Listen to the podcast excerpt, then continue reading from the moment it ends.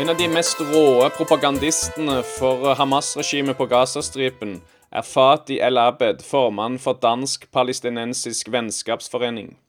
I en kronikk i den danske avisen Politiken 18.11 skriver han i overskriften at Israels blokade kveler alt liv i Gaza.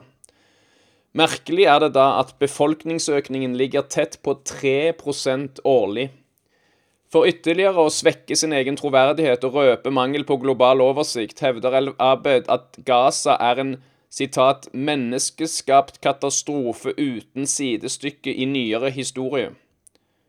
FNs levekårsindeks viser at mange titalls land i verden har betydelig dårligere levekår enn innbyggerne på Gazastripen. Befolkningen der blir også betjent av det mest velorganiserte hjelpeapparatet i verden. I 2011 konkluderte en FN-komité at sjøblokaden av Gaza både er lovlig og legitim. Israel står overfor citat, 'en virkelig trussel mot dets sikkerhet fra militante grupper på Gaza'.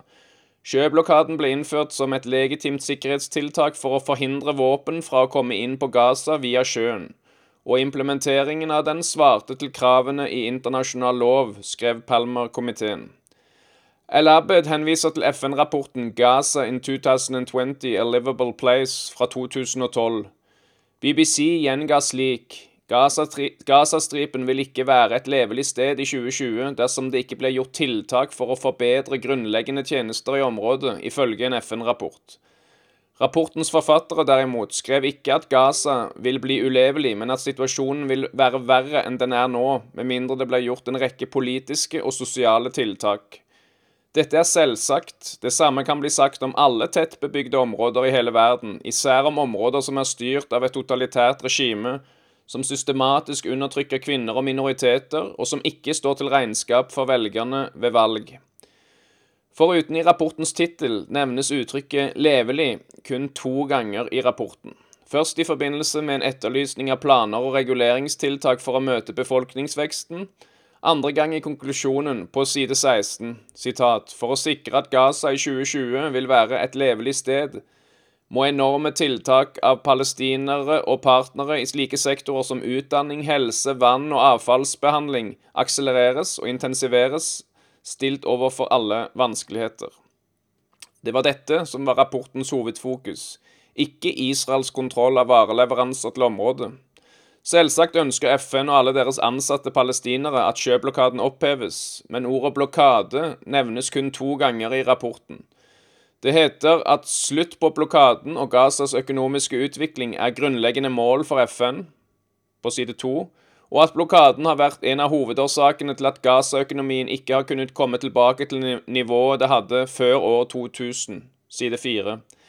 FN mener det er viktig at Gazas innbyggere får forbindelse med resten av verden.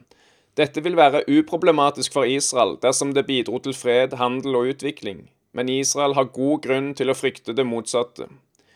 I sin ordrike kronikk nevner ikke El Abed med et ord at Gaza er styrt av Hamas, en islamistisk gruppe som EU-domstolen senest i 2017 bekreftet er en terrororganisasjon. Når Dansk-palestinensisk vennskapsforening ivrer for å oppheve kontroll av leveranser til Gaza, betyr det i realiteten at de ønsker å gi de islamistiske terrororganisasjonene i området fri adgang til å importere våpen. Hamas, Islamsk Jihad, Al-Aqsa Matyrbrigader, PFLP og andre terrororganisasjoner i Gaza har tidligere brukt smuglede og egenproduserte våpen til å begå massive krigsforbrytelser mot israelsk sivilbefolkning og mot palestinsk sivilbefolkning, som de skjuler seg blant.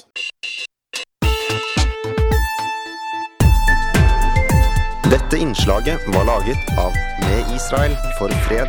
Organisasjonen driver Nordens største nettsted om Israel. www.miff.no. Gå til mif.no dersom du vil ha siste nytt fra Israel.